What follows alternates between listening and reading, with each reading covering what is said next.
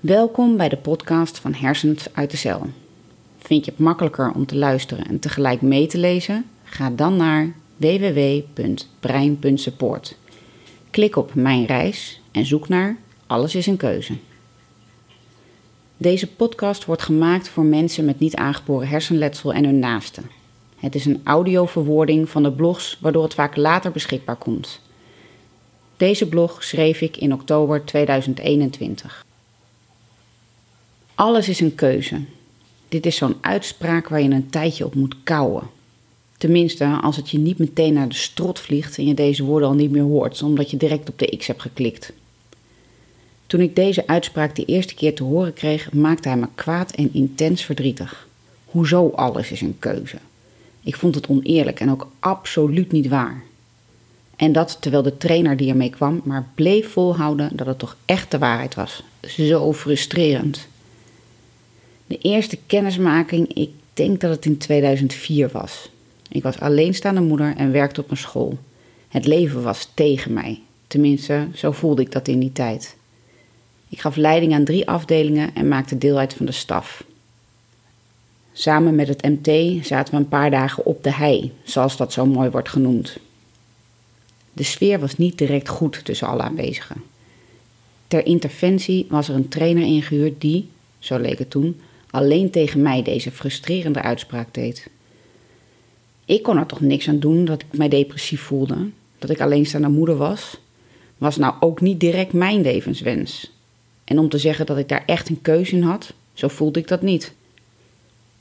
Juist omdat die opmerking, bijna achteloos gemaakt in die totaal andere context, zo schuurde met het wanhopige gevoel van geen controle hebben in mijn bestaan van toen, bleef hij hangen. En heeft hij sindsdien een belangrijke vooraanstaande rol gespeeld op cruciale momenten in mijn leven. Een haat-liefde verhouding. Het heeft best heel wat jaren geduurd voor ik de waarheid van de opmerking kon omarmen en beamen. Ik bleef in het begin vooral boos hangen op de gedachte dat in elk leven dingen gebeuren waar je geen keuze in hebt, die, als je wel een keuze zou hebben, heel anders zouden gaan. Toch is dat maar de eerste laag. Je kunt zeggen dat je je baan haat en het vreselijk vindt, maar ja, je moet nu eenmaal geld verdienen. En dat klopt natuurlijk ook. En toch zitten daar heel veel keuzes aan. Alleen elke keuze heeft consequenties. Zo kan je proberen anders naar je werk te kijken en de focus op een positief onderdeel van je werk te zetten. Je kunt binnen je baan kijken of er mogelijkheden zijn die je werk leuker maken. Een andere baan zoeken. Studeren zodat je leukere opties hebt. Minder werken of je leven zo inrichten dat je die baan veel minder hard nodig hebt. Het inzicht dat ik dan wel weinig controle heb over de dingen die mij overkomen, denk aan hersenletsel, ik heb wel alle keuze en controle over wat ik ermee doe. En wat het mij toen bracht. Het bracht mij vooral een alles veranderend gevoel van controle, wat ik zo vreselijk had gemist. Je kent het wel, het onrustige gevoel dat je een keuze te maken hebt, maar er niet toe komt. Zodra je wel kiest, maakt het niet uit wat je kiest, de keuze zelf geeft rust. Of het vernietigende gevoel dat alles je overkomt en je nergens aan de touwtjes kunt trekken. Als je in gaat zien dat er altijd keuzes zijn, dan geeft dat kracht, controle en een pad voorwaarts. Dat is waar alles is een keuze voor mij over gaat. De Weekly Brain Boost twijfel. Elke maandag plaats ik op de socials van Hersens uit de Cel een quote. Iets waar ik zelf wat aan heb of heb gehad. En wat iemand met hersenletsel net een lekker steuntje in de rug kan geven aan het begin van een nieuwe week. Want met hersenletsel is het vaak zo zwaar om je op maandag te realiseren dat je al zo kapot bent dat je niet weet hoe je die week weer door moet komen. Daar kan je wel wat steun en begrip bij gebruiken. Ik liep al een hele tijd met de gedachte om alles is een keus te plaatsen.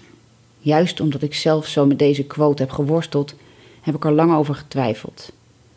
Hoe je hem interpreteert en welk gevoel hij oproept bij de eerste kennismaking zegt zoveel over je eigen state of mind, hoe je in je vel zit. Juist als je er gefrustreerd en afwijzend van wordt, heb je hem eigenlijk het hardste nodig. Waarom dan wel? Maar ik deed het dus wel, omdat de meerwaarde als je het aandurft om erover na te denken zoveel groter is dan mogelijk de struggle. Juist met hersenletsel ben je vaak onzeker afhankelijk en lijkt er weinig zelfbeschikking en keuze te zijn. Essentiële onderdelen voor kwaliteit van leven. De realisatie dat je nog steeds keuzes hebt, ook al zijn ze soms heel pijnlijk, helpt altijd. En dat gun ik iedereen. En mensen met NAH al helemaal. Dus quote en blog voor de nodige onderbouwing. Wat het mij nog steeds brengt. Deze zin brengt mij nog regelmatig op het goede pad. Na mijn septische shock de keuze om geen actie te ondernemen richting het ziekenhuis, omdat ik wilde genieten van het leven en niet wilde blijven hangen in het verleden. Gevalletje kiezen voor geluk in plaats van gelijk. De beslissing om akkoord te gaan met een te kleine woning, omdat blijven vechten in de scheiding mij niet gelukkig maakte. De keuze om te gaan crowdfunden. Ik had ook kunnen treuren dat ik het geld niet had voor Cognitive FX. Daar was geen woord van gelogen geweest, maar alles is een keuze. En de deuren die die overtuiging opent, die magie gun ik iedereen. Dus ben je ontevreden, ongelukkig of gaat het leven niet zoals je wilt? Ga op zoek naar de keuzes die je wel hebt. Zelfs als je pijnlijke consequenties hebben. Het zien van je opties geeft lucht en kracht.